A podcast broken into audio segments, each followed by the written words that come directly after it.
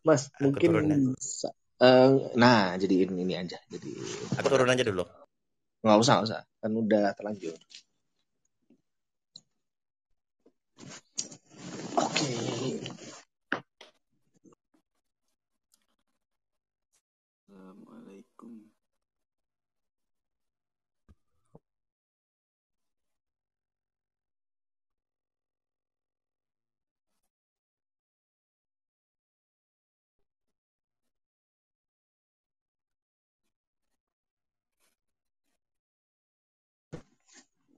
Oke, halo, halo. Halo.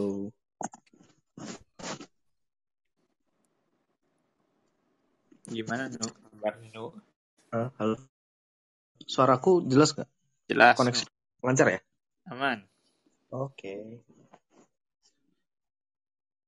Oke, halo, selamat malam semuanya. Eh, selamat datang teman-teman di sesi Clubhouse bareng Growth Space lagi. Dan kebetulan malam ini aku udah undang nih beberapa eh, narasumber. Widih, narasumber.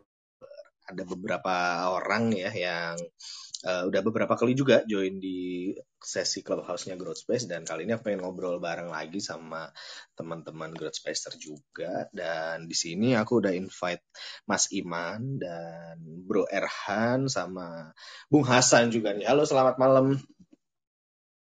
Selamat malam teman-teman. Selamat malam. Malam. Halo, halo. Selamat malam Pak Iman dan teman-teman semua. Selamat malam semuanya, semangat dong. Baik. ya. Oke, oke, sebentar.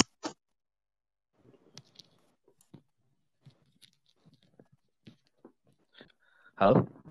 Halo? Ya, ya, ya. Jelas ya? Oh, oke, oke, oke, oke, thank you, thank you semuanya.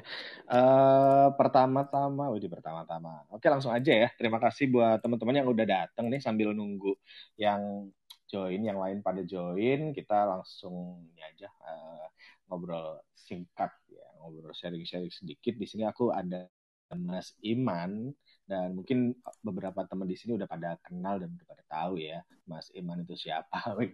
Enggak belum lah, belum. Dan Udah lama gue. Saya tahu, saya tahu, saya tahu. Oke oke oke oke. Dan di sini aku udah invite juga Bang Erhan sama Mas Hasan juga. Halo selamat malam. Nah malam ini kita mau ngomongin soal ini nih cara coping mechanism. Apalagi di, di kondisi sekarang ya ada Omicron juga lagi naik dan ya kondisi sedang kurang menyenangkan juga nih di Eropa sedang ada konflik dan banyak sih yang mungkin bisa jadi penyebab eh, stres bagi orang-orang gitu. Apalagi kita yang eh, masih muda masih muda Oke, langsung aja nih. Eh, aku ada Devon juga yang ban- bakalan banyak sharing juga malam ini nih, Von. Oke, eh, mungkin aku ke mm, Bro Erhan dulu ya. Eh, selamat malam Bro Erhan. Selamat malam. Ibnu, Devon, Bu Hasan, dan teman-teman semua. Semoga selalu sehat dan bahagia. Nah, itu yang paling penting. Amin, amin, amin. Nah, Gimana, gimana, gimana? nih? Gimana Mas Erhan tentang kondisi sekarang nih? Ada yang eh, mungkin buat teman-teman mungkin bisa kenalan dulu ya, bisa perkenalan dulu Bro Erhan sendiri seperti eh, lokasi, kemudian pekerjaan seperti apa dan kira-kira nih untuk saat ini kondisi mentalnya seperti apa nih Mas? Silakan. Ya, ya, oke. Mungkin halo, selamat malam semua. Perkenalkan, nama aku Erhan. 28 tahun aku harusnya tahun ini 28. Stay di Pekanbaru Riau. Eh, basicnya aku sebenarnya orang IT gitu. Eh, jebolan IT, komputer sistem informasi. Tapi sekarang lagi kerja di staff IT lah jatuhnya di salah satu kantor politik di Riau. Palingan gitu sih. Terus kalau ditanya gimana kondisi mentalku sekarang? Alhamdulillah sih alhamdulillah ya. Terutama mungkin setelah eh, apa ya setelah ya kelar kuliah lah gitu kelar kuliah eh, masuk ke dunia kerja aku selalu apa ya menjaga nih kestabilan mentalku. Ya paling enggak ketika aku sudah merasa capek atau apa aku butuh pelarian lah. Dan ada beberapa kegiatan-kegiatan yang mungkin memang bisa apa ya menjadi tempatku berkeluh kesah. Ya salah satunya mungkin dengerin musik nonton konser gitu nulis baca buku makan gitu. Ada sih beberapa kegiatan-kegiatan yang memang eh, jadi tempat pelampiasan aku lah tempat meng, apa ya menghilang sebentar dari dunia yang bisa membuat apa ya rasa stres atau rasa apa itu hilang gitu. Dan cukup cukup cukup berhasil sih. Mungkin begitu Bro Ibnu sedikit pengantar dari aku ya untuk topik malam Oke, ini oke. Ini ini menarik nih dari Bro Erhan. Dari istilahnya udah aware dan udah realize juga tentang kondisi saat ini ya. Maksudnya kondisi personal well-being juga dari Bro Erhan sedari lulus kuliah. Nah, biasanya kan orang-orang kan paling kayak eh, lulus kuliah jadi job seeker atau mungkin memutuskan untuk eh, membuka usaha dan di situ kan pasti ini ya eh, stressful banget ya dulu. Kalau dari Bro Erhan sendiri gimana tuh setelah awal kuliah sampai sekarang gitu? Eh, pertama mungkin aku sangat bersyukur ya salah satu nikmat yang aku sangat syukuri aku punya keluarga yang sangat bahagia dan cukup suportif sangat mensupport aku dan eh, ada teman-teman terdekat yang memang juga mengerti aku yang bisa jadi tempat keluh kesah Hmm, jadi eh, hal-hal seperti itu memang mem- membantuku untuk menjaga mental. Jadi apalagi nikmat yang harus kudustakan gitu.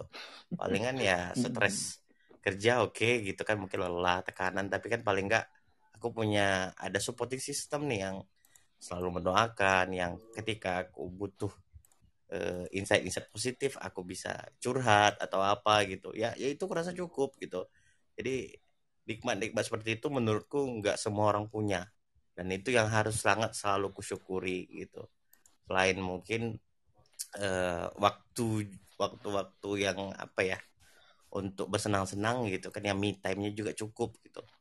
Jadi eh, itulah mungkin yang bisa aku lakukan ya. Eh, untuk untuk menjaga apa ya moodku atau eh, mentalku tetap baik gitu. Tetap ya Oke. walaupun stres sebentar aja lah gitu nggak nggak terlalu lama Oke, sih oke, oke, oke, oke. Jadi eh, ibaratnya dari Mas Erhan sendiri ini kayak udah paham juga nih ya bahwa eh, terkadang support system yang baik atau lingkungan yang baik itu kan pasti juga berpengaruh banget nih ya terhadap kondisi mental dan juga eh, em, kewarasan ya dalam tanda kutip kewarasan diri kita kayak gitu. Nah mungkin dari Bro Erhan, eh, thank you banget ya udah sharing dan cerita-cerita sedikit nih ya tentang perjalanan awal eh, kalau misalnya ngomongin stres dan juga karir seperti apa nih kayak gitu. Dan di sini aku udah ada Mas ini juga nih ada Hasan. Halo Bung Hasan, Bung Hasan. Halo. Halo, halo. Ketemu lagi di sini ya. Iya. Seru banget nih. Makasih loh nih Mas Ibnu aku udah diajak nih. Oke. nah, Bro Hasan gitu. Gimana nih tentang kalau misalnya ngobrolin tentang stres ya dengan kondisi yang saat ini nih ada ini nggak sih eh, pendapat dengan kondisi kayak gini terus eh, keadaannya eh, Bung Hasan ini seperti apa dan kira-kira ada insight sedikit nggak sih yang bisa di share ke teman-teman tentang katakanlah menghadapi kondisi yang penuh ketidakpastian ya sekarang ada pandemi terus omikron juga dan kondisi perang apalagi aduh terlalu banyak nih gimana nih bro Hasan Hmm. Eh, kalau berkaca pada diriku sendiri sih ya dengan kondisi kayak gini tuh eh, mengajarkan kita banyak hal ya. Yang paling pertama bahwa sebenarnya eh, ada banyak hal yang tidak bisa kita kontrol sendiri. gitu. Ada banyak eh, objek-objek di luar sana, di luar di luar diri kita yang yang harus kita akui bahwa itu di luar kontrol kita gitu. Sehingga kita bisa lebih aware juga bahwa oke kita bisa memahami diri kita sendiri. Jadi eh, kayak bisa me- bisa bisa memilah-milah kira-kira mana nih yang bisa jadi stresor kita gitu ya, yang benar-benar apa namanya berimpact kepada diri kita dan apa yang sebenarnya ya udah biarkan itu ada tapi seharusnya tidak tidak harus kita pikirin sedalam itu gitu loh. Gitu. Hmm, hmm, hmm, hmm. Oke oke berarti istilahnya kita udah contoh. udah uh, gimana? gimana? Terus terus terus. terus. Oke okay. jadi kalau misalnya dari uh, eksplanasi singkat dari tadi Mas Hasan ngomong itu adalah kita harus seenggaknya ya uh, paham sendiri dari diri kita kira-kira mana sih yang menyebabkan penyebab stres atau penyebab kita bisa dibilang overthinking gitu ya. Soalnya kan mungkin hmm. di sekarang nih kalau misalnya kita ngelihat berita yang negatif semua kayak gitu, Betul. pastinya kan mikir. Gitu kan. Jadi kayak istilahnya kita tahu dulu nih penyebab stresnya apa dan juga tahu juga uh, apa yang bisa kita kontrol dan tidak bisa kita kontrol kayak gitu Betul. ya. Betul. Contoh lah sekarang lagi kondisi pandemi kayak gini ya kan. Mungkin dulu di hmm. awal-awal kita mikir wah segala macam jadi susah nih gara-garanya pandemi gitu kan. Hmm. Semuanya nyalahin pandemi, semuanya nyalahin pandemi cuman seiring berjalannya waktu kita juga udah bisa adaptasi gitu kan akhirnya uh, akhirnya kita sadar juga ternyata uh, apa namanya di di diurutin satu-satu lagi gitu loh ke belakang. Oke okay, pandemi. Iya pandemi kita bisa kontrol nggak nih? Gitu ya. Kita nggak bisa kontrol pandemi. Oke okay, dari sisi yang lain kita bisa kontrol bagian apa? Misal pandemi impactnya ke bagian uh, let's say ya pekerjaan yang hilang gitu kan ya. Hilangnya hmm. pekerjaan. Oke, mungkin itu bisa ya menyalahkan kondisi pandemi itu bisa ya. Tapi setelah itu kan kita bisa bisa menemukan kita bisa menggunakan sudut pandang yang lain gitu untuk tetap bisa melihat uh, sisi baik atau melihat sisi yang bisa kita isi gitu loh, yang bisa kita lakukan dan kemudian juga melihat dari sisi baiknya juga. Gitu. Oke, berarti memang uh, seenggaknya kita juga paling tidak selain menyadari sesuatu yang tidak bisa kita kontrol, kita juga harus istilahnya uh, bukan harus ya, lebih tepatnya mungkin berusaha ya untuk mengganti atau mencoba melihat dari sudut pandang yang lain seperti betul itu bisa dikatakan gitu. Betul, betul.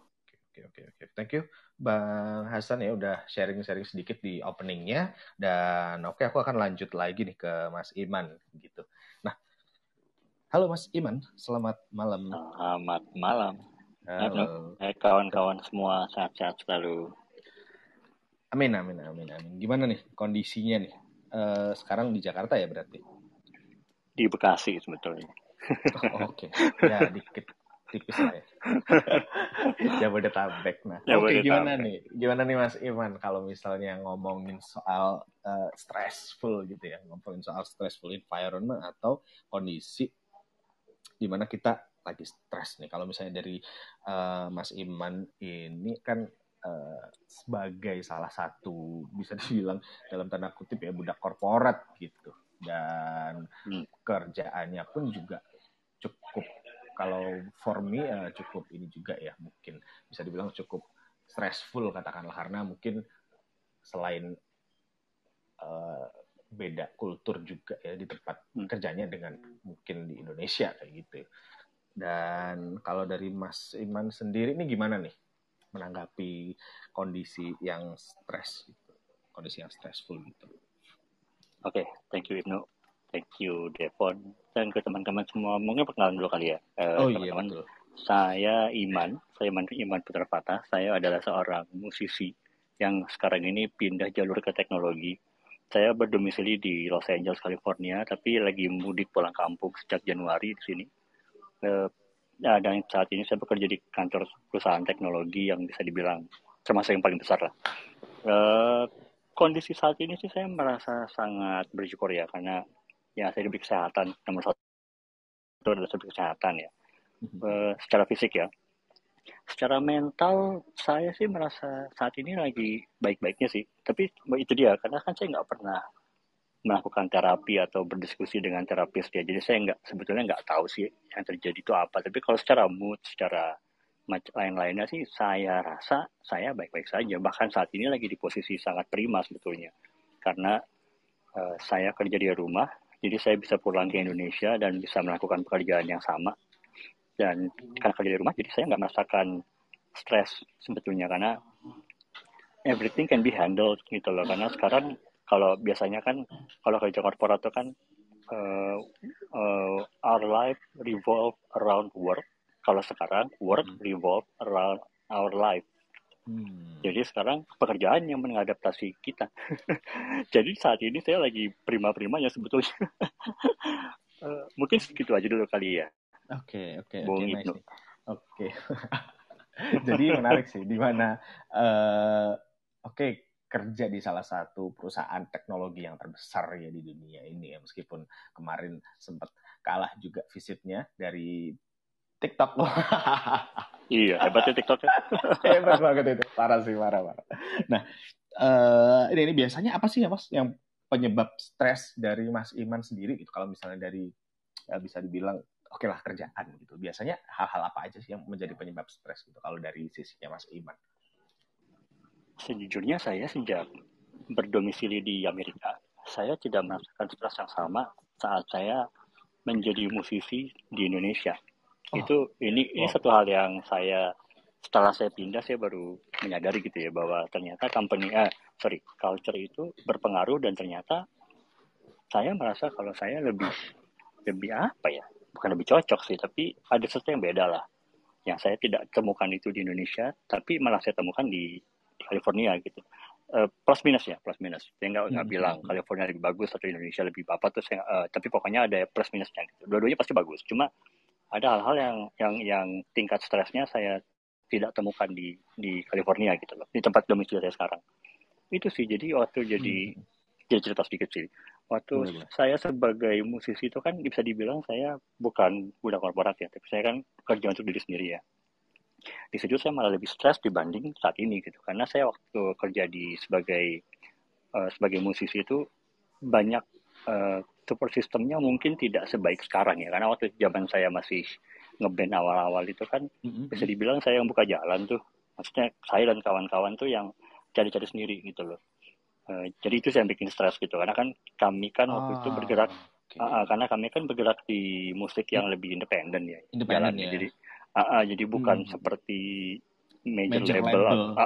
yang yang semua udah ada jalannya. Kalau kami waktu itu kan ini ke mana ya mau promosi? Lewat mana Hmm, nih? Ke hmm, ngomong sama siapa nih kayak gini-gini. Ya itu tuh yang bikin tantangannya menarik dan dan itu bikin saya banyak belajar tapi stresnya juga nyata tinggi di situ. Dan itu saya tidak sadari ketika malah ketika saya pindah saya baru sadar oh ternyata ternyata emang tingkat stresnya lebih tinggi di sana karena eh, bidang saya saat itu emang begitu ya. Emang jalannya masih masih sulit lah.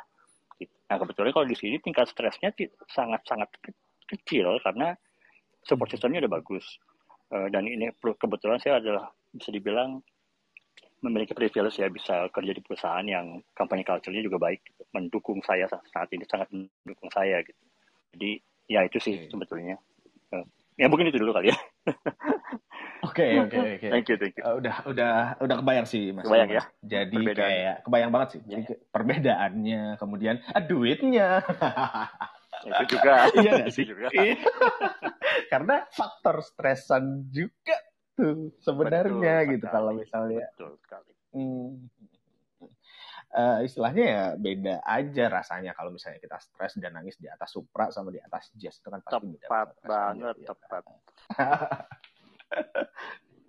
Oke, oke, oke, oke, menarik nih di mana eh, istilahnya dari lingkungan kerja, lingkungan industri, bisa dibilang industri juga nggak sih Mas Iman? Jadi kayak eh, mungkin yang ngedukung personal development juga dan juga ngedukung eh, bisa dibilang dari support system tadi ya kalau dari Mas Iman yang sampaikan buat teman-teman mungkin ya masih bertanya-tanya ya yang baru gabung juga dari eh, teman-teman clubhouse dan di sini ada Mas Iman juga yang Mas eh, dulunya jadi musisi ya musisi independen ya pentolan dari band Zik and the Popo gitu dan sekarang udah kerja di perusahaan teknologi eh, istilahnya switching karir juga meskipun nggak terlalu jauh karena eh, masih berhubungan dengan eh, musik juga nggak sih Mas?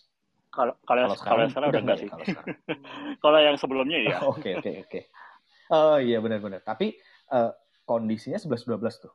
enggak terus lulus itu maksudnya tingkat stresnya ya apa Eh, apanya nih Ya, tingkat Ya. stresnya. Tingkat stres dan juga oke mungkin eh, tanggung jawab pekerjaan kali ya. Kalau kerjaan sebetulnya saat ini tanggung jawabnya jauh lebih besar ya. Em, ya karena jauh lebih besar karena saya kan mengur- uh, lebih ya uh, scale-nya beda. Tapi Mm-mm. kalau secara company culture sih jauh gitu loh. Uh, saya Oh. nggak bisa bilang sih company culture seperti apa, tapi pokoknya beda jauh lah Oke, oke. Gitu. Ah, oke oke oke. Jadi antara si ah, search engine sama ini ya, salah satu big tech company itu yang Iya.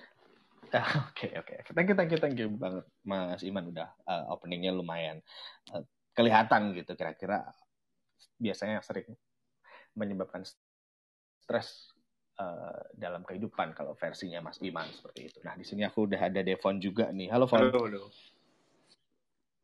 Nah, ini ngomongin stres nih. Kalau tadi Mas Iman uh, sharing tuh kan terkait ini ya, industri dan juga pekerjaan yang uh, beliau sudah pernah lakukan gitu di, di uh, sebagai musisi kayak gitu. Terus tadi juga menyinggung sedikit soal um, duit nih. Nah, kalau dari Devon sendiri kira-kira uh, ada ini nggak sih concern tersendiri tentang apa yang menyebabkan Devon stres atau mungkin dulu pernah punya pengalaman stres gara-gara pekerjaan lah atau apa gitu. Apa ya? Kalau kalau soalnya sekarang lagi kayaknya lagi oke-oke aja ya. Tapi sama kayak Mas Iman tadi nggak pernah cek juga apakah ini oke gitu atau terus sekarang jadi malah mempertanyakan apakah gue bener-bener baik-baik saja. Oke oke oke. tapi tapi sejauh ini sih gue nggak eh, baik-baik aja sih. Kalau misalnya ditanya lagi sering nggak. Sekarang pengalaman ya kalau nah justru kalau ketika gue eh, ngomongin apa ya dulu dulu misalnya stres gitu sekarang juga jadi bingung jadi jadi merasa kayak oh ya emang itu harus dilewatin gitu ya. Contoh dari misalnya waktu kita sekolah gitu ya stres apa ulangan gitu ya emang itu kan harus dilewatin. Stres UN lah. Mau fokus UN gitu. terus stres skripsi gitu-gitu kan. Kayaknya itu yang harus dilewatin gitu sih. Jadi kayak eh, kalau sekarang ya eh, lihatnya ya gitu. Jadi ya udah udah apa ya udah ngelihatnya beda sekarang kalau ngelihat yang pernah dialamin. Hmm, hmm, berar- berarti Masih. lebih ke ini aja ya Fon ya, eh, stres yang mungkin wajar dan juga kayak ibaratnya pasti dialami fase kehidupan masing-masing orang kayak gitu. Dan mungkin dari cara pandang Devon juga ya udah udah beda dibandingkan eh, dulu nih. Kayak gitu. mungkin kalau sekarang lagi ngalamin stres nah itu baru mungkin yang bisa diceritain kali ya saya kalau Oke, lihat oke. lihat flashback ke belakang sih ini berasa itu oh itu emang harus dilewatin lah gitu kalau nggak dilewatin ya nggak bakal kayak sekarang gitu mungkin nggak se resilient sekarang gitu kali ya. Ah, ah, ah. Oke oke oke berarti ibaratnya eh, tergantung dari cara cara pandang kita ya balik lagi ke situ eh, yang dijelaskan juga oleh eh, Hasan tadi Hmm. soal gimana cara pandang kita meng- menghadapi dan juga memandang stres atau Hmm. sebuah peristiwa lah atau sebuah proses hidup Betul. kita kayak gitu. Eh, setuju sih sama Hasan tadi tapi mungkin ya kalau kita lagi ngerasa stres ya agak susah juga kali ya untuk bilang eh, untuk mencoba pandangannya gitu ya Mm-mm. apa bisa bisa mencoba untuk memandang positif dan mungkin optimis itu kan juga ngaruh dari istilahnya kekuatan dari dalam diri kita juga sih Fon karena mungkin batas wajar atau batas toleransi orang terhadap masalah itu kan pasti beda-beda ya Fon Iya, heeh. jadi ya itu kayak lat ya apa masalah-masalah itu kayak lat- jadi latihan juga kali ya buat kita ya. Oke, benar benar. Nah, eh, aku lanjut lagi ke Erhan. Oke, thank you banget Devon. Dan di sini nih eh, ada satu poin menarik nih dari obrolan kita tadi gitu. Kayak dari Mas Erhan sendiri ada histori mengalami stres yang lumayan bisa dibilang parah nggak sih? Ah, ini kayaknya harus kebagikan ya. Ah, Um, boleh, boleh. Nah, Oke, Kalau boleh jujur ya, aku kuliah 7 tahun. Gitu. Aku kuliah 7 tahun 14 semester, tapi Wow. 2 tahun 2 tahun itu aku cuti gitu. dua tahun lah tiga semester Oke, gitu oke, oke. oke. Tos dulu, Dan- tos dulu. Kita tos dulu nih. Tujuh tahun. Wah. ya dan sebenarnya gini gitu di saat itu waktu tahun eh sorry semester ke 10 aku kuliah aku merasa give up karena udah membosankan jadi aku izin cuti sama keluarga dan di situlah fasenya aku keenakan di dunia kerja dan pas aku balik lagi di tahun terakhirnya itu berarti tahun berapa tuh sorry 2019 gitu Nah, di situ tuh itu termasuk fase-fase stres di mana harapan tinggi uh, dari keluarga, terus akunya juga gitu kan sudah menghabiskan sekian banyak waktu. Walaupun sebenarnya uh, di saat fase itu aku menjalaninya dengan kegiatan produktif, dari segi bekerja dan berkomunitas. Tapi tetap cita-cita orang tua kan ya pengen anaknya wisuda. Jadi di saat fase stres yang cukup tinggi itulah Eh, dan saat itu juga temen nggak terlalu rame kan temen kuliah ya utamanya seangkatan jadi ya support keluarga itu sangat luar biasa sih dan itu mungkin yang membuat aku kelar gitu mungkin itu salah satu fase-fase stres ya yang cukup Bisa, tinggi bisa, yang bisa. pernah aku jalani Bisa relate juga sih. Nah, dan ya dan hal yang paling kusyukuri ya aku nggak sendirian gitu ada keluarga yang support dan adalah beberapa teman-teman yang bisa semangatin juga gitu itu sih palingan ya sisanya ya memang hidupku masih sangat bersyukur dan aku tertarik tadi ya di bagian yang pas komentarin uang bisa apa kurang uang tuh bisa Hmm. bikin stres ya Betul, betul. Nah, Gimana tuh kalau tanggapannya Nah, Mas kalau Erhan di sendiri? bagian itu ya gini, aku keinget quote-nya Bu Marley gitu. Ada eh, kalau nggak salah waktu dia sangat sukses-suksesnya itu, Ah, jadi ditanya no sama woman no cry.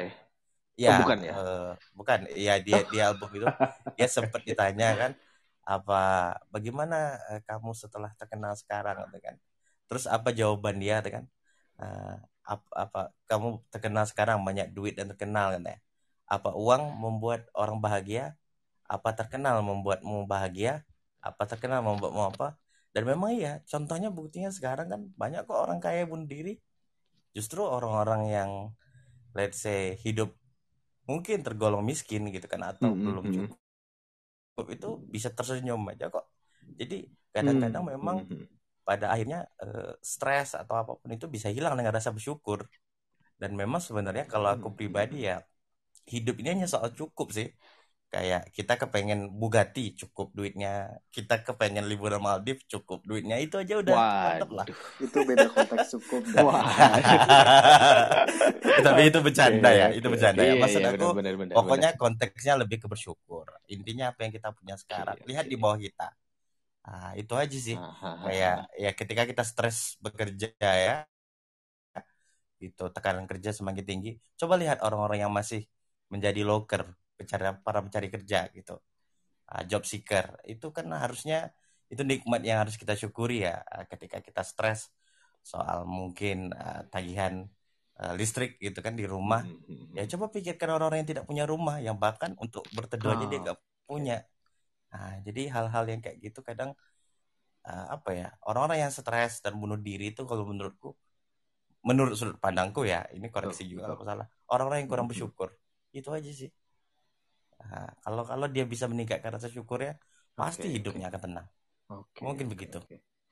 Oke, thank you banget Mas Erhan ya udah sharing eh, point of view-nya juga nih terkait kondisi mental dan juga tingkat stres yang pernah dialami nih cukup luar biasa juga ya dulu pasti. Eh, istilahnya bebannya adalah ketika kita harus bertanggung jawab ya bro ya. Ya, oke orang tua terhadap istilahnya menyelesaikan apa yang sudah kita mulai kayak gitu kalau dari dulu. betul Hmm. Nah, dan menarik juga tadi udah sharing tentang eh, sim- sesimpel bersyukur gitu. Sesimpel bersyukur dan istilahnya berbahagia dari dari tingkat stres yang kita alamin ditarik mundur nih. Kita stresnya karena apa? Oh, karena pekerjaan. Oke, mungkin bisa jadi nih kita stres karena pekerjaan istilahnya eh, better daripada stres karena mencari pekerjaan. Mungkin bisa dikatakan seperti itu ya untuk pandangannya juga. Dan buat teman-teman juga yang kira-kira sharing, eh, ingin sharing juga bisa raise hand tentang oke pengalaman stres yang dialami, kemudian bagaimana cara menyelesaikannya. Itu bisa langsung sharing juga nih. Nah, aku lanjut ke Mas Hasan dulu deh. Tadi udah kita udah ngomongin nih Mas Hasan tentang salah satu penyebab stres itu ada adalah kondisi ekonomi juga dan juga kondisi pekerjaan atau tanggung jawab. Nah, kira-kira dari Mas Hasan sendiri nih, eh, ada ini nggak sih kayak pengalaman stres dan juga cara meredakan stresnya sendiri kayak gitu dari Mas Hasan? Hmm. Pengalaman stresku tuh kalau diingat-ingat kayaknya di awal-awal aku kerja sih. Jadi uh, kayaknya itu tahun sekitaran 2000 berapa ya 2018 2019an. Jadi dulu itu aku kan kerja di di agensi gitu ya. Terus nah, uh, dikasih kepercayaan untuk menjadi apa namanya jadi manajer gitu ceritanya. Pokoknya disuruh mm -hmm disuruh ngejalanin si agensinya sebisnis gitu dari sisi bisnis mesti gimana dari sisi uh, ngurusin orangnya mesti gimana gitu kan. Sementara aku sebelumnya tuh belum pernah uh, belum pernah terjun langsung dalam tugas seperti itu gitu. Terus juga pada saat itu da aku ada di lingkungan yang sangat-sangat kompetitif. Lingkungan kecil di di kantor itu tuh cukup kompetitif gitu. Jadi oh kayak setiap harinya tuh menggebu-gebu gitu loh jadi hmm, hmm. orang-orang di situ kayak selalu pokoknya aku mesti lari mesti lari mesti begini ya pokoknya pikirannya tuh mesti begini mesti begini mesti begini gitu gitu jadi nggak ada nggak ada apa namanya selo-seloan kayak gitu nggak ada gitu. Nah dulu itu uh, aku dikasih kesempatan kurang lebih selama empat bulan gitu. Nah, empat bulan bener-bener selama empat bulan itu kayak aku tuh jadi orang yang nggak tahu arah. Jadi setiap hari tuh yang dipikirin wah ini mesti gimana nih mesti gimana nih cari duitnya mau cari dari klien yang kok modelan kayak apa gitu hmm, terus hmm, hmm. orang-orangnya mau kayak gimana terus hubungan sama orang-orang kantornya juga mau kayak gimana gitu jadi kebetulan waktu itu uh, ini uh, agensi adalah apa ya adalah agensi in house gitu loh jadi in-house ada satu company, kemudian kita bikin agensi di dalam yang okay. bisa nerima klien dari luar juga gitu. Di company okay. itu tuh kom kompetisinya cukup gede. Gitu. Akhirnya uh, ya kurang lebih selama tiga bulan empat bulanan lah. Jadi aku kayak orang hilang gitu. Pikirannya sering sering sering ngelamun, sering mikir sesuatu sampai nggak ketemu ujungnya ini gimana gitu. Aku mikirin apa sih sampai sebegitunya gitu. Uh, hmm. Karena saat itu aku dalam lingkungan yang apa ya tidak cukup tidak cukup luas dalam artian networknya. Jadi aku juga nggak tahu aku harus bercerita kepada siapa gitu kan. Akhirnya coping mekanismeku untuk ngurangin si stresnya ini cuman uh, melakukan hobi-hobiku doang gitu. Kebetulan aku hobi uh, badminton, aku hobi main musik gitu. Kalau di badminton tuh aku selalu bilang meluapkan, melu meluapkan dan melupakan kalau pokoknya di badminton teriak-teriak sesukanya ketawa-ketawa hmm, hmm, sesukanya. hmm, hmm, tujuannya itu untuk meluapkan dan melupakan. Oke oke oke. Bisa dibilang Jadi, kayak meredakan hmm. stresnya itu kayak channel channelingnya lewat olahraga itu tadi ya mas Hasan ya? Betul betul betul. Kalau aku cuma itu doang sih dulu dulu. Tapi karena ya, ini belum kebayang belum kebayang tahu sih. ini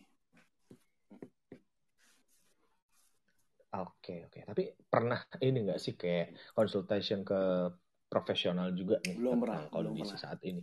Kondisi dulu nih, belum pernah juga ya berarti? Dulu, dulu belum pernah. Sekarang juga ya kalau sekarang sih cerita-cerita aja ke temen yang mungkin punya pengalaman. Uh, uh, uh. Oke, okay, mungkin berarti bisa dibilang uh, support system ya. Jadi salah satu faktor juga nih buat Mas Hasan gitu untuk misalnya stay sane juga kayak gitu. Karena ya bener juga sih kayak uh, aku pernah baca juga ketika orang kesepian, bukan bukan maksudnya bukan kesepian sih, maksudnya ketika orang masih belum dapatkan support system yang baik, uh, itu bakalan lebih bisa dalam tanda kutip membunuh dibandingkan kamu kayak makan atau minumnya kurang sehat nih. Cuman uh, mungkin bisa correct me if I'm wrong ya buat teman-teman yang udah punya referensi atau apa mungkin bisa sharing juga nanti kayak gitu.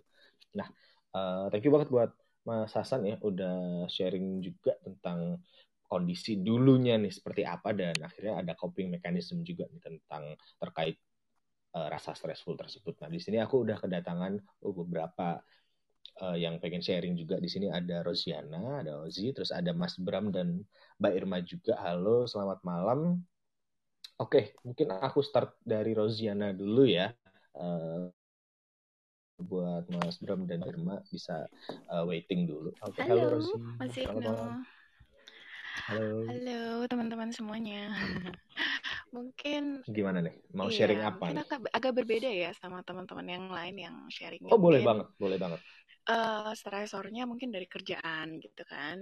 Nah, kebetulan beberapa bulan yang lalu itu stresor aku aku biasanya memang uh, kalau coping mechanismku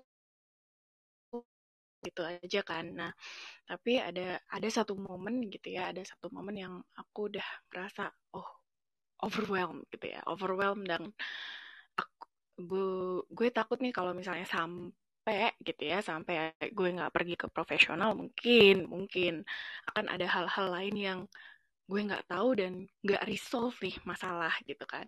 Nah akhirnya waktu itu gue ke profesional kebetulan memang stresornya uh, apa namanya orang rumah jadi jadi kan uh, agak susah ya karena lebih sering keep in touch gitu kan nah mm-hmm. itu mhm. akan selalu men-trigger gitu kan makanya ketika itu aku memutuskan untuk pergi ke profesional gitu kan nah hmm, kalau coping mechanismnya sendiri ada banyak tool sama sama psikolog gue. Jadi hmm, memang ada kayak misalnya jadi selama ini selama ini gitu ya dua tiga tahun ke belakang eh empat tahun empat tahun ke belakang ini jadi uh, gue emang banyak belajar tentang gimana healing gimana self love gitu kan. Nah ternyata setelah ke psikolog gitu ya setelah ke psikolog gue baru tahu kalau uh, I don't recall. Jadi uh, gue tahu gue sedih, tapi gue belum bener-bener tahu nih gitu.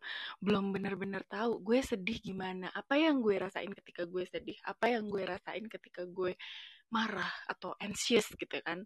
Apa sih sebenarnya uh, karena kadang kadang apa yang kita rasakan itu badan kita tuh ikut ikut ngasih sinyal misalnya anxious gue panas dingin nih. Kalau misalnya gue cuman ngomongin aja nih tentang orang ini gue langsung panas dingin gitu. Kayak takut kayak kayak ngerasa aduh gimana ya aduh gimana ya? Nah gitu. Jadi gue belum bener-bener uh, istilahnya bener, belum bener-bener merecognize perasaan itu gitu. Nah uh, dari situ sih sebenarnya beda-beda ya setiap orang uh, mana yang benar beda-beda. Jadi memang kemarin ketika di psikolog itu itu sangat membantu sekali karena gue uh, belajar oh pertama dari journaling. Di, dari journaling oke okay nih, tapi masih belum progresnya tuh masih belum banyak banget gitu kan.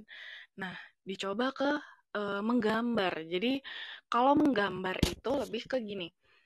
Gue disuruh ketika gue merasakan perasaan yang uh, gue nggak enak gitu ya. Uh, biasanya kan kalau kita happy gitu ya kita kita it's okay bisa dipikirin gitu. Karena gue kita lagi happy gitu kan. Nah yang kita sering lakukan adalah ketika kita misalnya sedih marah kecewa gitu kan. Nah itu biasanya kita akan lari nih ke hal-hal yang bisa bikin kita seneng. Nah kadang gitu kan, kadang itu justru tidak menyelesaikan permasalahannya yang sebenarnya ada. Apa sih permasalahannya ini?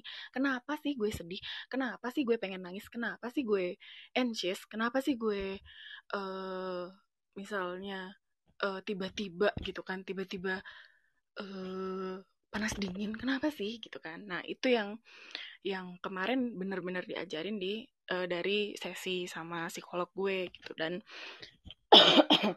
kalau di gambar sendiri biasanya gue disuruh nulis nih uh, ketika perasaannya datang misalnya sedih gitu ya disuruh kasih uh, ciri-cirinya jadi kayak kita ngasih orang gitu. Nah kasih nama kasih umurnya berapa ciri-cirinya misalnya oh kulit sawo matang rambutnya keriting gitu kan. Biar sebenarnya kita lebih mengingat oh ini loh uh, karakter atas sedih. Oh ini loh karakter atas marah. Oh ini loh karakter atas uh, kecewa gitu. Nah ketika datang lagi kalau gue karena gue memang agak pelupa orangnya itu siapa ya? gitu. Jadi biasanya gue akan gue akan nulis nih di kertas atau di handphone gitu ya. Jadi oh gue sedih. Oh gue pernah nulis tuh waktu itu waktu gue gue sedih. Siapa nih karakternya? Gitu kan. Gue akan lihat lagi oh si ini. Nanti gue tulis lagi kenapa sedihnya? Kemudian uh, kenapa apa namanya uh, adakah orang yang bikin gue sedih? Atau misalnya adakah hal yang bikin gue sedih? Kemudian kemudian nanti kalau misalkan gitu kan kan kita kadang uh, kalau kita sedih pengen buru-buru happy lagi gitu kan. Ya udah dinikmati aja sedihnya dulu gitu.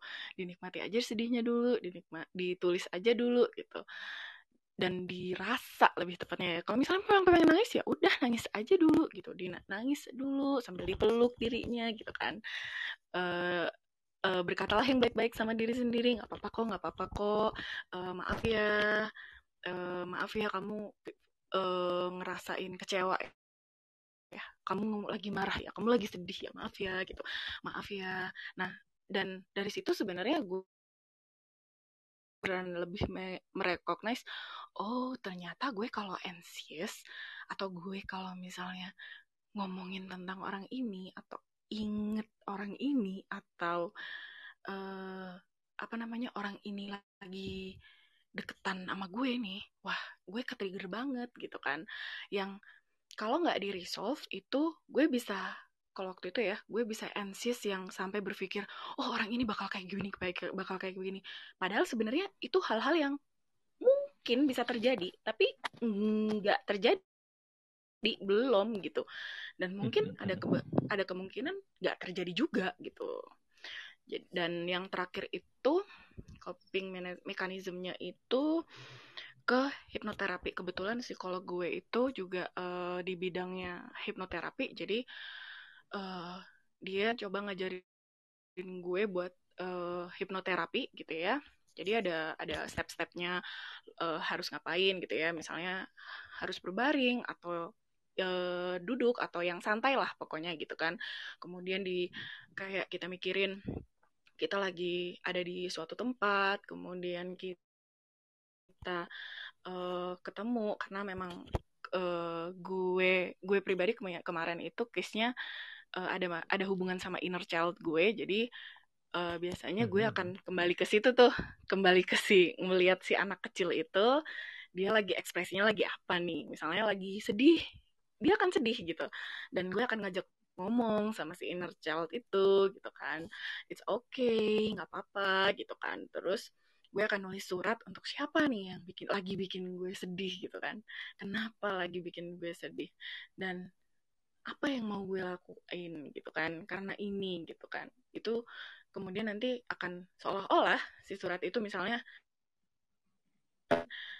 muat gitu kan. Nah itu kemarin uh, mekanisme uh, coping mekanisme yang terakhir biasanya sih dibilangnya itu berjeda ya. Cuman kalau gue cari-cari lagi di internet itu berjeda tuh masih kayak kayak berjeda meditation tuh masih masih jarang banget source-nya. Nanti gue coba tanyain nama psikolog gue tentang ada bukunya atau source-nya gitu nggak ya? Itu sih mas Ibnu. Oke oke oke. Lumayan uh, komprehensif dan lengkap juga nih ya dari uh, Rosiana ini sharingnya terkait gimana coping mekanismenya tadi ya buat teman-teman mungkin yang masih baru datang. Jadi dari uh, Auzi sendiri sih banyak bercerita tentang stresor yang berasal dari orang-orang terdekat, bisa dibilang keluarga dan itu pasti ngasih pengaruh yang luar biasa terhadap Eh, personal well-being atau kondisi mental seseorang gitu. Apalagi harapannya support system yang yang terdekat yaitu family atau keluarga bisa jadi support system, cuman malah jadi stressor utama nih. Ini pasti uh, kondisinya luar biasa complicated ya. Thank you banget dari Rosiana udah sharing dan udah uh, berbagi nih ya pengalaman gitu dari tadi terkait tentang gambar dan juga uh, journaling dan istilahnya uh, mengelaborasi perasaan juga nih dan memahami sebelumnya memahami dan mengenal diri juga bagaimana kondisi saat sedang sedih dan dituangkan juga ya Rosiana ya. Iya, uh, betul. tulisan dan juga gambar itu tadi. Dan istilahnya coba cek personal eh personal profesional juga nih tentang gimana kondisi kita sebenarnya dan apa sih yang tepat kayak gitu buat kita karena mungkin uh, dari sudut pandang profesional kan tentunya bisa lebih melihat secara objektif Iya, ya Rosi betul, betul. dan kita Oh, oke oke oke Mereka yang lebih tahu progresnya sih ya, maksudnya, Mhm, oh mhm. ternyata dengan coping mechanism begini ini masih kurang angkat nih gitu. Nah, Mhm. terakhir itu explore gimana? lagi tuh. Mm-mm, dieksplor lagi gitu. Mhm. Coba yuk kita ini yuk eh, pakai me- coping mechanism ini boleh nggak? Oke, tapi ya Oke, tetap oke, ya meskipun kita pergi ke profesi the work-nya itu ya. ya, Nah, gitu ah, ah. sih. Thank you. Oke, thank, thank you banget udah sharing Sama-sama. eh, Rosiana. Dan di sini udah ada Mas Bram juga nih. Halo Mas Bram. Halo, halo semuanya. Halo, selamat malam. Nah, thank you udah raise hand dan mau sharing juga nih. Nah, gimana nih tentang coping mechanism, mechanism atau eh, stres sendiri nih Mas Bram?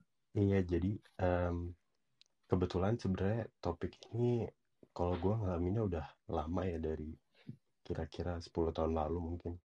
Em, tapi kebetulan eh, mungkin kan kalau sekarang eh, banyak di raise isunya di Instagram gitu kan, mulai banyak talking tentang tentang kesehatan mental gitu. Nah, kebetulan kalau gue dulu kebetulan banget temen deket gue dari SMA itu dia anak psikologi gitu jadi gue dari dulu punya kayak apa ya em, dokter kesehatan mental pribadi kan iya, jadi iya, iya, iya. gue emang selalu eh, gue selalu eh, curcol istilahnya atau gue selalu curhat ke dia dan coping mekanisme apa gitu kan.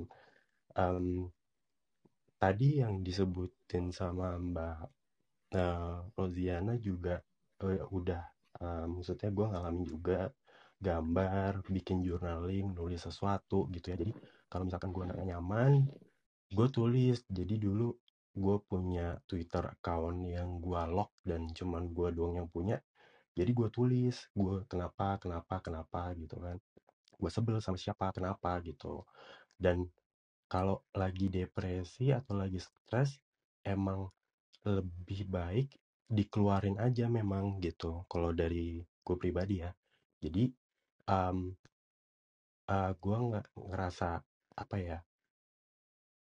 Mesti hati-hati juga kalau misalkan nanti ada teman yang lagi stres terus eh, kalau bisa jangan dijudge gitu. Tadi eh, sebenarnya gue angkat tangan karena dengar komentar dari eh, lupa tadi kalau nggak salah Mas Erhan ya Eh, kalau misalkan orang stres tuh bunuh diri mereka biasanya kurang bersyukur gitu. Nah kalau saran dari saya eh, next time jangan ngomong kayak gitu. Kalau misalkan ada orang yang lagi stres dibilang nggak bersyukur apa-apa gitu. Karena eh, yang di karena itu malah jadi bikin orangnya tambah sedih gitu. Jadi itu enggak membangun sama sekali gitu komentar yang kayak gitu. Kalau bisa nanti kalau ada temannya atau orang lain yang eh, kondisi yang seperti itu jangan diomongin kayak gitu didengerin aja mereka mau apa gitu. Karena kalau lagi depresi nggak bisa dikasih saran misalkan oh mungkin lo kurang sholat. Ntar mikirnya tuh jadi kayak beda gitu. Karena kalau lagi depresi itu kan lagi stres itu kan sebenarnya itu ada sangkut pautnya sama penyakit juga ya mikirnya tuh otak kita tuh mikirnya nggak jernih gitu. Jadi nggak bisa dikasih tahu kayak gitu dan kita juga mus- kebetulan saya cukup pernah sampai sesetres itu Em, ini ya sebenarnya saya kadang malas juga share cuman saya harap dengan saya share ini bisa eh, ngasih ide atau ngasih pengalaman ke teman-teman yang lain juga jangan sampai kayak gitu juga ya itu. Jadi kalau misalkan eh, jadi saya pokoknya intinya pernah sampai mau eh, bunuh diri gitu. Nah tipsnya em, jangan eh, apa jangan diomongin jangan dijudge jangan dibilang banyak orang yang bilang oh ya lo kurang sholat lo kurang bersyukur gitu. Itu malah bikin orangnya tambah sedih dan tambah stres gitu. Karena kita nggak bisa mikir gitu. Jadi otak kita tuh lagi terganggu kalau misalkan lagi stres Em, kebetulan tadi ada coping mechanism ya. Jadi emang coping mechanism itu kan sebenarnya salah satu untuk buat kita cabut istilahnya dari masalah ini kan. Cuma sebenarnya kan kita harus tahu juga masalahnya apa gitu. Um, sebagai orang yang lagi stres kita nggak bisa ngelihat gitu. Kalau lagi uh, down banget, stres banget, lagi sedih, kita kadang nggak bisa ngelihat gitu. Jadi memang gue ulangi lagi, copingnya ya emang harus dikeluarin gitu. Kalau gue lebih ke nulis dan mungkin kalau sekarang lagi teman-teman lagi apa ya lagi waras lah istilahnya kayak gitu lagi baik-baik aja mungkin bisa dicari coping mekanismenya masing-masing apa sih gitu jadi hal apa sih yang kalian suka gitu jadi seenggaknya bisa way out dulu dari kondisi yang stres banget lagi down banget ke yang lagi normal abis itu kita bisa melihat diri sendiri sebenarnya kemarin tuh kenapa stresnya apa. Tadi Mbak Rosiana bilang ternyata ada masalah lebih sama keluarga jadi susah gitu kan. Nah, um, saya juga pengalaman mengalami kayak gitu karena solusinya sulit ya. Jadi saya akhirnya uh, mengurangi uh, bertemu dengan uh, orang rumah gitu. Jadi karena ini coping mekanismenya karena saya nggak bisa solve masalah ini, jadi saya nggak mungkin dong gitu kan uh, kabur dari rumah atau gimana kan nggak mungkin gitu. Kalau misalkan uh, beberapa hal mungkin bisa kira ya udah gue stop gitu kan. Termasuk salah satunya adalah ternyata gue stres hidup di Jakarta gitu. Um, waktu itu gue sampai ke karena teman gue teman sahabat gue bilang dia kurang bisa bantu gue dalam hal ini ya kira dia mereferensikan seseorang um, Terus gue datang ke beliau konsultasi, terus uh, dia bilang, "Ya mungkin emang lu nggak cocok di sini," gitu. Uh, kebetulan orang ini ya pernah, uh, kuliah di UK dan, uh, kebetulan waktu itu saya masih rencana gitu kan saya saya mau kuliah ke Jerman dan sebagainya, uh, beliau juga merekomendasikan, "Ya udah lu coba aja gitu ke sana," dan ternyata buat gue pas gitu. Jadi um, tadi copingnya ya coping penting gitu kan. Kalau gue misalkan gue copingnya jalan-jalan olahraga gitu ya. Nah tapi setelah coping itu yang lebih penting adalah kita tahu juga masalahnya apa dan kita harus solve masalah itu gitu. Terus kalau misalkan udah tahu ke situ jangan sampai um, kita jadi udah tahu nih kayak misalkan gue uh, gue udah gue pernah mungkin dalam satu fase di mana sampai mau uh, bunuh diri tadi ya. Jadi gue udah tahu nih ciri-ciri gue kalau sampai ke sana gimana. Um, gue harus melakukan sesuatu yang uh, gue lihat lagi kenapa masalahnya dan gue mau nggak mau harus ninggalin itu gitu. Jadi kadang hal yang uh, apa ya istilahnya kadang kita sebenarnya mau move on atau misalkan mau ninggalin hal tersebut tuh kadang sulit. Tapi um, sebenarnya kita di dalam kondisi tersebut juga sulit gitu. Gitu. Jadi ya jadi serba ya, salah gitu ya? serba salah gitu. Cuman hmm. um, sebenarnya ya gitu sih emang uh, selain coping yang tadi yang gue lakukan karena memang judulnya coping ya. Iya betul. Uh, kalau gue lebih ke nulis yang tadi gue nggak gambar um, atau gue ada satu lagi gam bukan gambar tapi mewarnai gitu um, tapi hmm. setelah gue cari tarik garis lurusnya sebenarnya coping gue tuh apa jadi coping gue sebenarnya adalah hal yang bikin gue konsentrasi dan bisa um, apa ya bikin gue tuh nggak mikirin hal tersebut gitu. Jadi kalau misalkan gue jalan-jalan biasanya gue fokus ke oh hari ini gue gimana, gue mau ke mana, gue mau makan apa? Gitu kan, gue mau ngeliat apa, jalan ke sana gimana, naik apa? Gitu kan. Jadi kalau jalan-jalan kayak gitu, kalau sport misalkan gue uh, misalkan gue di gym, jadi gue mikir program gue sekarang misalkan bench press, oh ya sekarang gue berapa, uh, training sebelumnya gue udah shuffle uh, um, sampai bisa berapa gitu. Jadi gue fokus gitu ke hal yang nggak itu mikirin gitu sih ternyata coping gue tuh kalau ditarik garis lurusnya Mhm. sebenarnya bikin gimana otak kita nggak mikirin hal tersebut gitu jadi memang uh, memori itu nggak bisa dihapus ya kalau gue bilang memori itu nggak bisa dihapus tapi bisa nggak ditaruh di recent folder gitu loh. Jadi jangan di open terus tuh memorinya gitu. Kalau mau nggak sedih terus gitu sih. Thank you. oke, oke. sorry banyak Thank- banget ngomongnya. Oke, thank you banget Mas Bram ya. Tadi udah sharing juga terkait eh, ini bisa nyerempet masalah eh, stres menuju ke depresi juga ya kalau misalnya dari dilihat dari historinya dan juga eh, istilahnya dari Mas Bram sendiri untuk Mm-mm. menjalani menjalani hari-harinya dulu ya ketika sedang mungkin ada problem dan menjadi stressful dan mungkin bisa bisa jadi atau sudah pernah cek di profesional atau tadi ke temennya juga ya eh, Ah, udah. privilege juga punya temen yang aware masalah kesehatan mental dari dulu dan itu eh, nice banget gitu dan untuk terkait kondisi stressfulnya juga dan cara cara coping mechanism ini kita harus benar-benar tahu juga ya mas ya. Kayak oke ternyata sesuatu yang membuat kita uh, stres overthinking atau mungkin jadi kondisi tubuh dan pikiran nggak nyaman. Kalau dari Mas Bram sendiri istilahnya mencoba untuk mengalihkan pikiran dari situ ya untuk sementara gitu tapi tetap setelah Mhm. itu berusaha untuk menyelesaikan masalahnya juga dong ya berarti. Benar. Jadi Apa emang betul?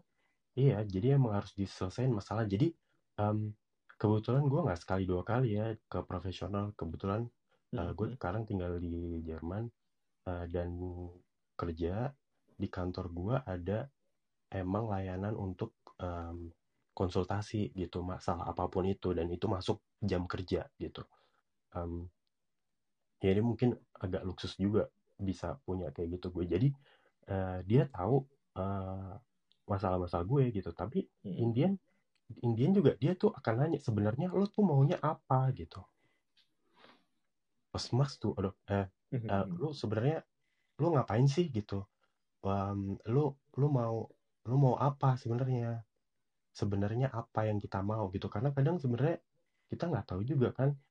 Sebenarnya lu yakin lo mau ini gitu?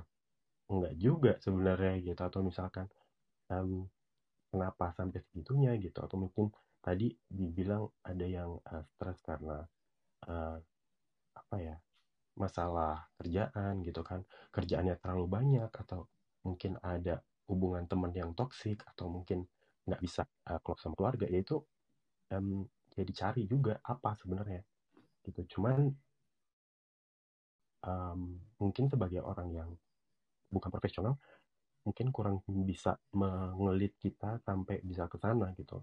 Dan ya menurut saya sih datang ke profesional itu bukan suatu hal yang gimana gimana ya maksudnya tabu atau gimana gitu. Mungkin ya saya dulu juga mikirnya apa sih ini? Gue gue gila apa enggak ya? Gitu. Cuman karena gue punya temen itu jadi ya lumayan sih.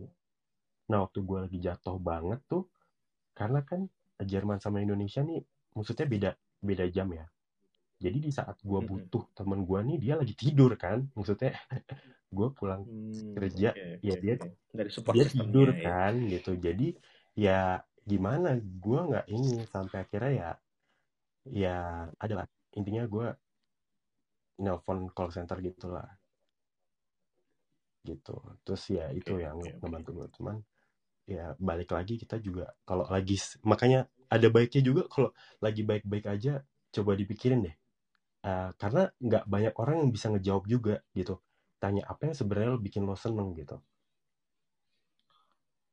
Mhm. belum tentu Oke, bisa oke. banyak yang jawab loh yang bikin lo seneng apa makan di restoran mungkin seneng gitu atau mungkin apa gitu yang Mhm. I see, I see, I see. Ya. Bayang juga sih ketika kondisi eh istilahnya eh, kondisi state of mind saat ini kan juga pasti berpengaruh terhadap pengambilan keputusan dan juga pengenalan diri sendiri juga nih ya Mas Bram. betul Ya, ya. tadi udah udah sharing juga nih masalah terkait gimana kondisinya pada saat eh, sedih terus sampai tadi juga udah sharing bahwa dulu pernah eh, sampai separah ingin uh, bunuh diri. Dan ini thank you banget udah um, mau sharing juga di sini. Dan jadi concern juga buat teman-teman uh, untuk always seek professional help kalau misalnya dirasa udah mempengaruhi kondisi uh, fisik dan mental juga ya mas. Pasti dulu aku nggak uh, bisa ngebayangin gitu ya rasanya kayak gimana kalau udah di posisi itu. Thank you banget sekali lagi buat mas Abram juga. Iya. Dan mhm. dan itu ya buat teman-teman yang lain kalau ada temennya yang kayak gitu gitu kan um, jangan saya ingin ingetin lagi jangan dibilang kurang bersyukur jangan dibilang kurang beribadah kurang ke agama mending kalau bingung mau ngomong apa suruh ke profesional aja gitu. Itu aja sih yang mau saya tekanin aku izin nanggapi dikit boleh iya, bro Ibnu? Boleh karena oh, silakan, silakan. tadi mengarah ke aku kan. Tapi kita biar enak aja diskusinya ya bro boleh. dan salam kenal. Um, kalau untuk permasalahan ini aku keinget. Ini agak lucu sih tapi aku entah kenapa menganalisa ini kata-katanya kuat. Quote-nya dari uh, Patrick di film SpongeBob. Salah satu episode dia pernah ngomong hidup itu memang berat jadi biasakanlah dirimu itu pas aku nonton di episode itu ya aku ketampar gitu.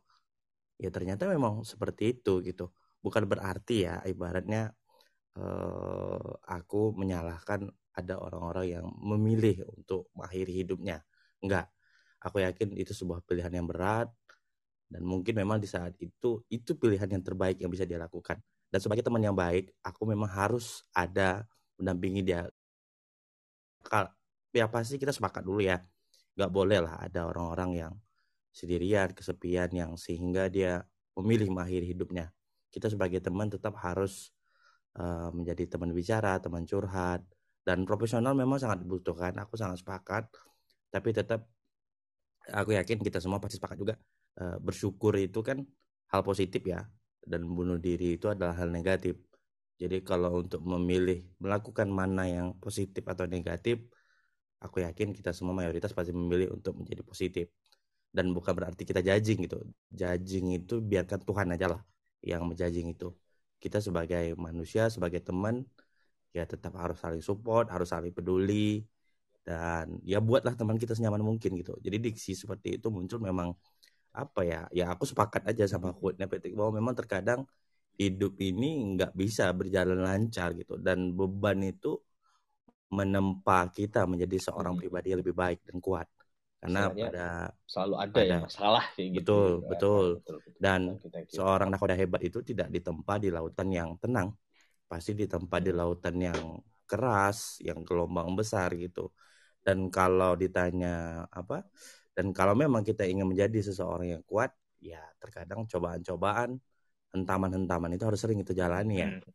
ya tapi aku aku pada intinya aku paham sih makna bang Bram itu gimana dan yang pasti tetap kita harus support lah lingkungan kita dan ketika sudah sangat stressful percayakan pada profesional mereka oh, pasti betul. punya cara terbaik kan untuk okay. itu mungkin begitu bro Ibnu thank, you, thank you thank you bro Erhan dan mungkin yeah. bisa balik lagi ya ke statement di awal bahwa kondisi uh, mental kondisi uh, pemikiran dan kondisi misalnya kondisi mental fisik dan kesehatan yeah. orang pasti beda-beda nih ya hmm. uh, untuk untuk menghadapi suatu masalah dan benar banget dari Mas Erhan dan Mas Bram juga bahwa uh, support system ini harus ada nih font kayak gitu kan. Iya. Yeah. Dan kita masih ada satu orang lagi nih yang belum sharing nih. Nah, oke, okay. betul betul betul. Nah, ini mungkin uh, last juga nih ya dari Kak Irma gitu. Wah, ini lumayan antusias banget nih malam ini. oke, okay, silahkan Mbak Mbak Irma. Halo, selamat malam. Oh, Kak Irma. Halo, selamat malam Kak Ibnu dan Kak Devon. Ya. Terima kasih sudah diberikan kesempatan untuk uh, bicara di sini. Gimana nih Kak? Uh, iya, aku, iya, makasih Kak. Uh, aku relate banget dengan tadi apa yang disampaikan oleh uh, Kak Bram dan aku juga tergelitik untuk uh, naik untuk maju untuk memberikan uh, perspektif dari pengalaman aku juga sebagai um, uh, aku bisa lah bisa bilang ya kalau aku sudah uh, ada di posisi growing dari uh, kompleks trauma, anxiety, depression dan termasuk or, uh, termasuk salah satu orang yang uh, suicidal untuk sekian lama gitu ya, untuk bertahun-tahun dan uh, beberapa tahun yang lalu uh, aku sampai di titik di mana aku ingin melakukannya gitu. Tapi by the grace of God alhamdulillah nggak nggak jadi gitu kan. Nah uh, dan aku juga tertarik dengan pernyataan dari Kak Erhan yang membuat aku jadi ingin memberikan uh, perspektif dari apa yang aku alami dan aku pelajari sampai saat ini. Karena kebetulan bukan kebetulan sih. Karena saya uh, aku juga salah satu orang yang menerima banyak sekali respon hasil dari stigma uh, di masyarakat baik yang disampaikan secara langsung ke kuping aku maupun yang berseliweran di uh, media sosial ataupun di chatting gitu ya. Dan terakhir kali aku beberapa hari yang lalu aku menerima pernyataan ketika aku mengaku bahwa aku I was suicidal for years gitu uh, tapi sekarang alhamdulillah itu sudah tidak ada keinginan untuk itu lagi gitu. Dan orang tersebut bilang uh, menurut gue orang yang suicidal itu adalah orang yang bodoh gitu. Nah ini menarik banget karena dan aku ingin sharing perspektif karena uh, stigma seperti ini tuh masih banyak sekali berseliweran di lingkungan kita gitu. Dan aku ingin uh, mengajak kita semua ketika kita berpikir demikian gitu atau menca atau istilahnya ada uh, bypassing gitu ya bahwa ya kalau orang suicidal itu orang bodoh, orang nggak nggak bisa mikir, orang nggak bersyukur, nggak nggak deket sama Tuhan atau apalah semua kata-kata itu. Uh, kita kembalikan lagi ke gampangnya adalah kita lihat mekanisme kerja otak gitu secara biologis kerja otak itu uh, didesain atau diciptakan untuk menjauhi masalah dan untuk survival. Jadi tidak ada otak manusia mana pun yang pasti akan menyamperin masalah dan nyamperin um, extinction gitu. Tidak ada otak mana pun, otak manusia mana pun yang akan mencari akhir dari hidupnya dia gitu. Se seperti misalnya kalau kita refleksi, setiap kita ada masalah, kecenderungan kita pasti untuk melari dari masalah. Kita pasti maunya pertama kali adalah menghindari masalah. Kenapa? Karena masalah itu mengancam eksistensi kita. Jadi memang otak itu didesain untuk lari dari masalah dan cari survive uh, survive gitu selalu untuk survive. Dan itu adalah otak yang uh, yang memang didesain seperti kita diciptakan punya otak seperti itu.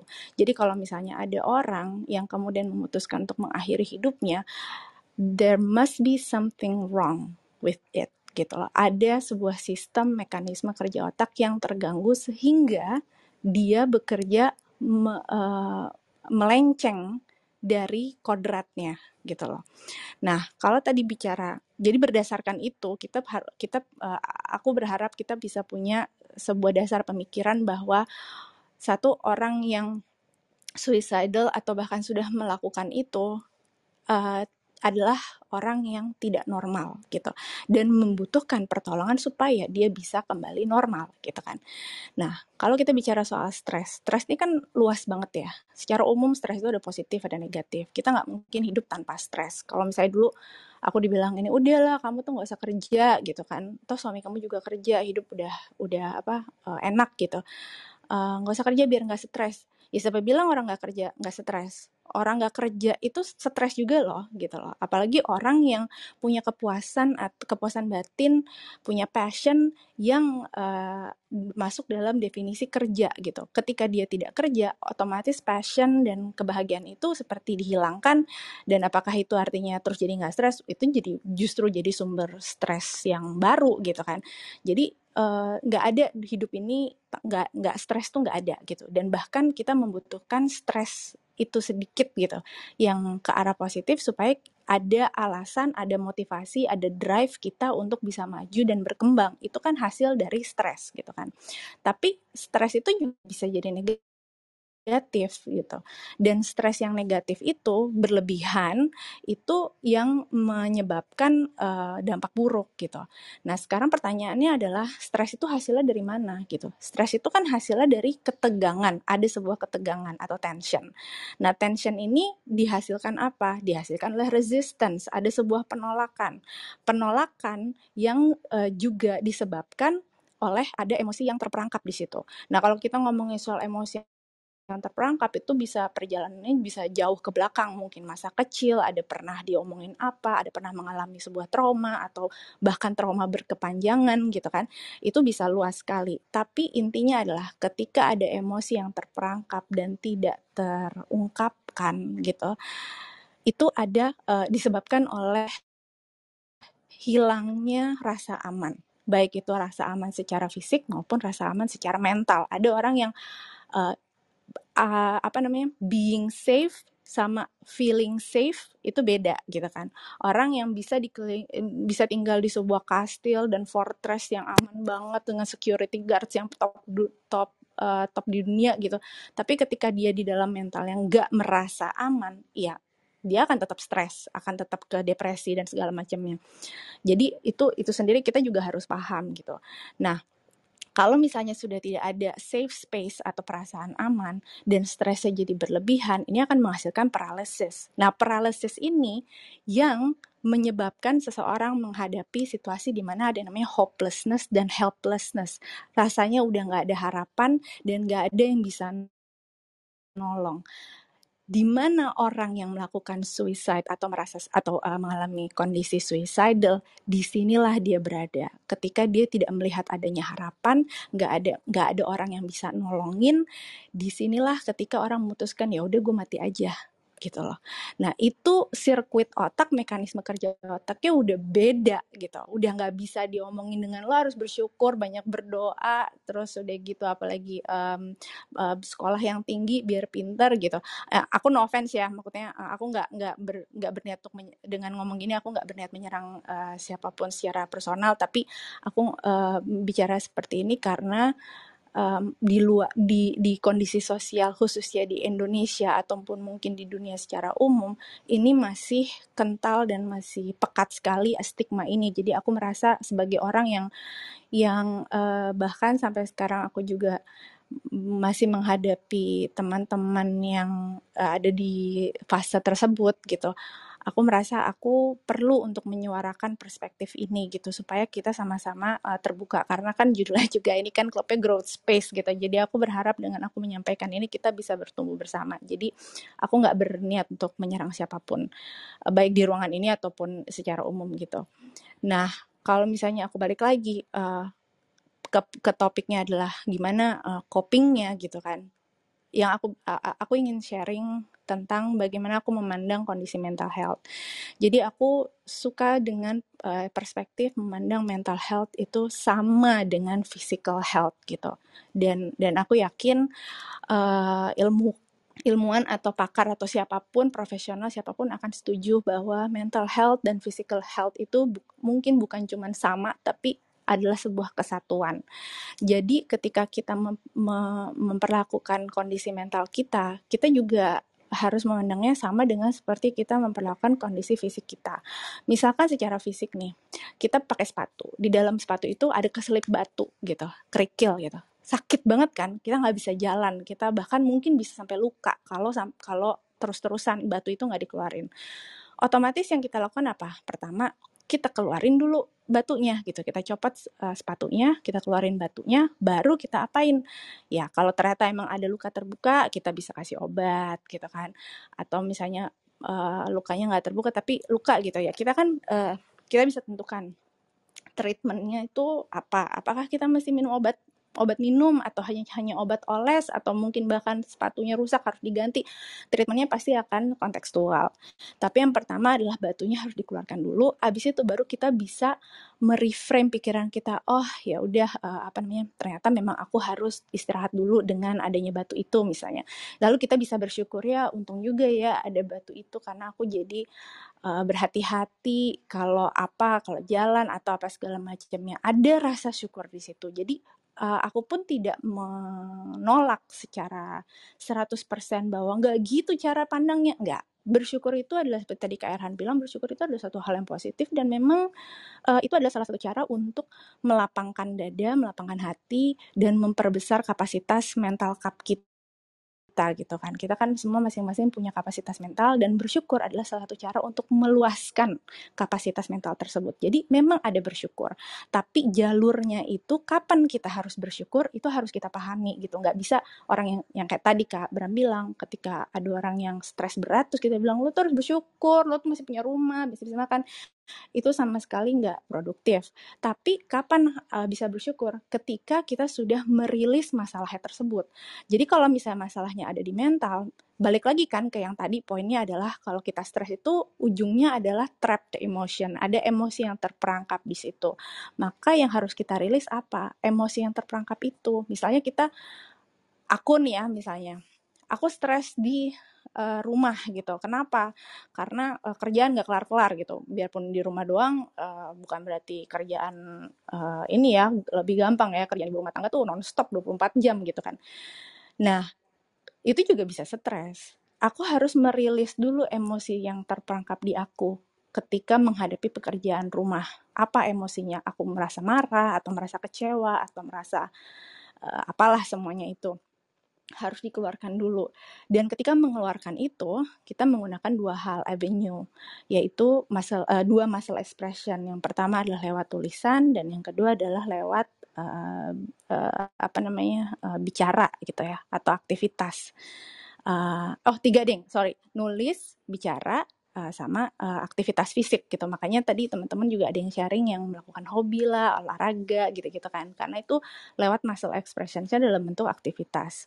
Kemudian ada yang lewat tulisan, ada juga yang lewat bicara. Kalau misalnya ada orang yang um, bisa kita percaya kayak Kak Bram gitu punya sahabat yang dipercayai. Kalau kalau aku kebetulan aku um, apa ya mungkin akunya introvert atau gimana gitu jadi aku memang nggak ada orang spesial yang akan yang bisa aku teleponin 24 jam kapan pun aku butuh gitu. Dan aku juga orangnya mungkin nggak enakan gitu jadi aku nggak bisa. Jadi avenue yang aku pilih adalah menulis gitu kan.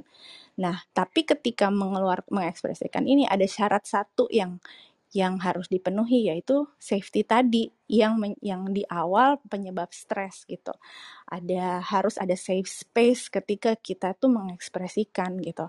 Nah, kalau aku pribadi uh, makanya aku kan uh, untuk teman-teman yang mungkin tahu gitu aku setiap hari Senin sampai hari Kamis itu aku buka room sama teman-teman aku di mana kita itu menulis bersama dan kita mengekspresikan uh, diri kita apa pun itu tanpa judgement apa pun. Jadi kita nggak ngejudge kita nggak ngomongin orang kita nggak ngomongin apa pun.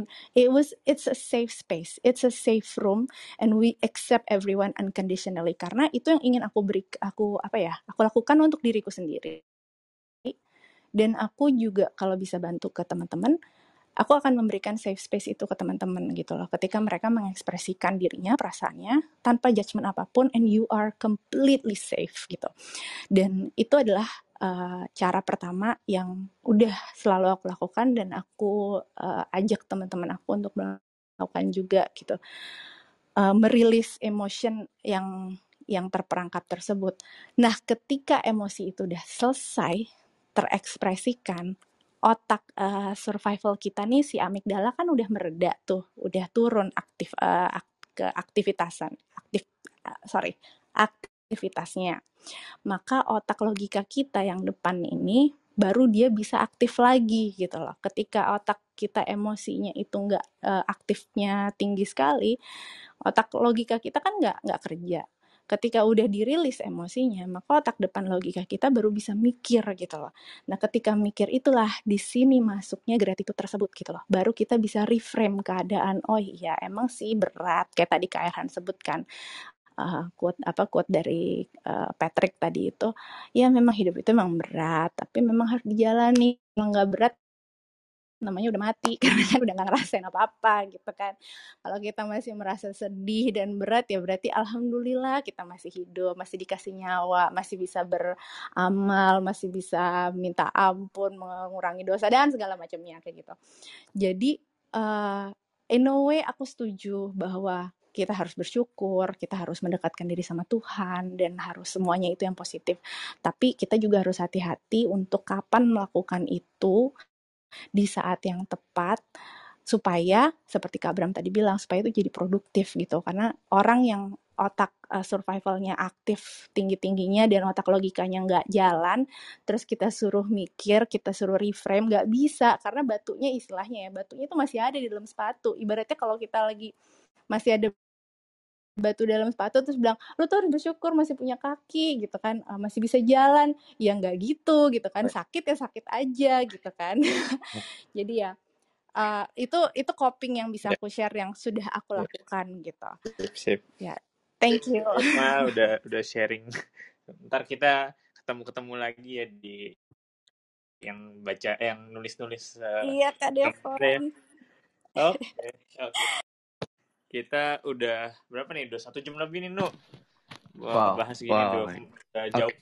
Uh, seru, seru, seru, seru, seru, dan banyak banget ya. Maksudnya dari cerita dan sharingnya teman-teman yang uh, udah berbagi gitu, berbagi yeah. pengalaman dan juga berbagi istilahnya masa lalu yang mungkin jadi salah satu lembaran yang cukup uh, bisa dibilang lembaran buruk juga nih Fon karena hmm. dari Mas Bram dan juga Kak Irma tadi thank you banget udah sharing yeah. Iya. uh, pengalaman dalam tanda kutip hmm. buruknya hmm. ya ketika ingin ketika menjadi suicidal gitu dan yeah. aku appreciate banget dan thank you banget udah uh, mau sharing juga nih ya dari uh, di growth space kayak gitu semuanya ya mungkin udah iya semuanya nih semuanya dari Hasan dari dari Mas Iman Erhan Roziana dan Bram dan Kak Irma juga. Aku boleh minta waktu ya. satu menit atau dua menit untuk ngasih statement dikit aja. Boleh nggak izin moderator? Kalau boleh. Oke oke satu satu kalimat deh satu okay. kalimat.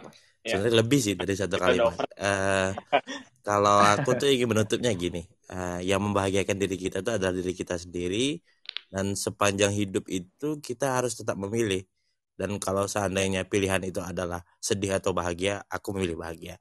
Jadi hmm. buat siapa pun yang lagi sedih, semoga segera bahagia, tetap jaga teman-teman kita sekitar, tetap peduli dan cinta kasihlah kepada semua. Mungkin Oh. Oke, mantap Kak Erhan.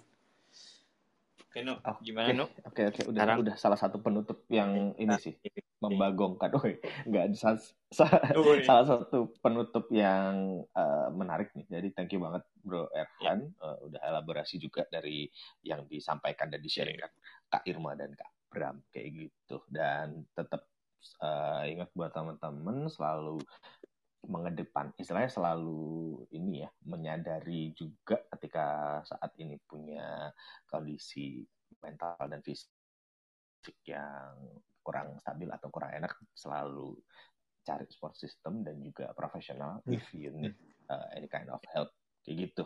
Mungkin dari yeah. aku itu aja Fon. Kita udah banyak banget nih sharingnya udah uh, meluas juga nih uh, bahasan dari coping yeah. mechanism terus ke stressful dan juga sampai tadi uh, sharing masalah kebahagiaan dan rasa syukur kayak gitu. Mungkin dari aku dan room malam ini dari Growth Space aku tutup kayak gitu dan terima kasih juga buat Devon, Hasan, Mas Iman, Bro Erhan, Rosiana, Bram, Mbak Irma dan juga teman-teman udah sharing dan stay di sini. Uh, semoga kita semua selalu bahagia dan juga diberikan rasa rasa uh, sadar atau aware terhadap kondisi diri dan lingkungan seperti itu. Oke, dari Devon ada penutup?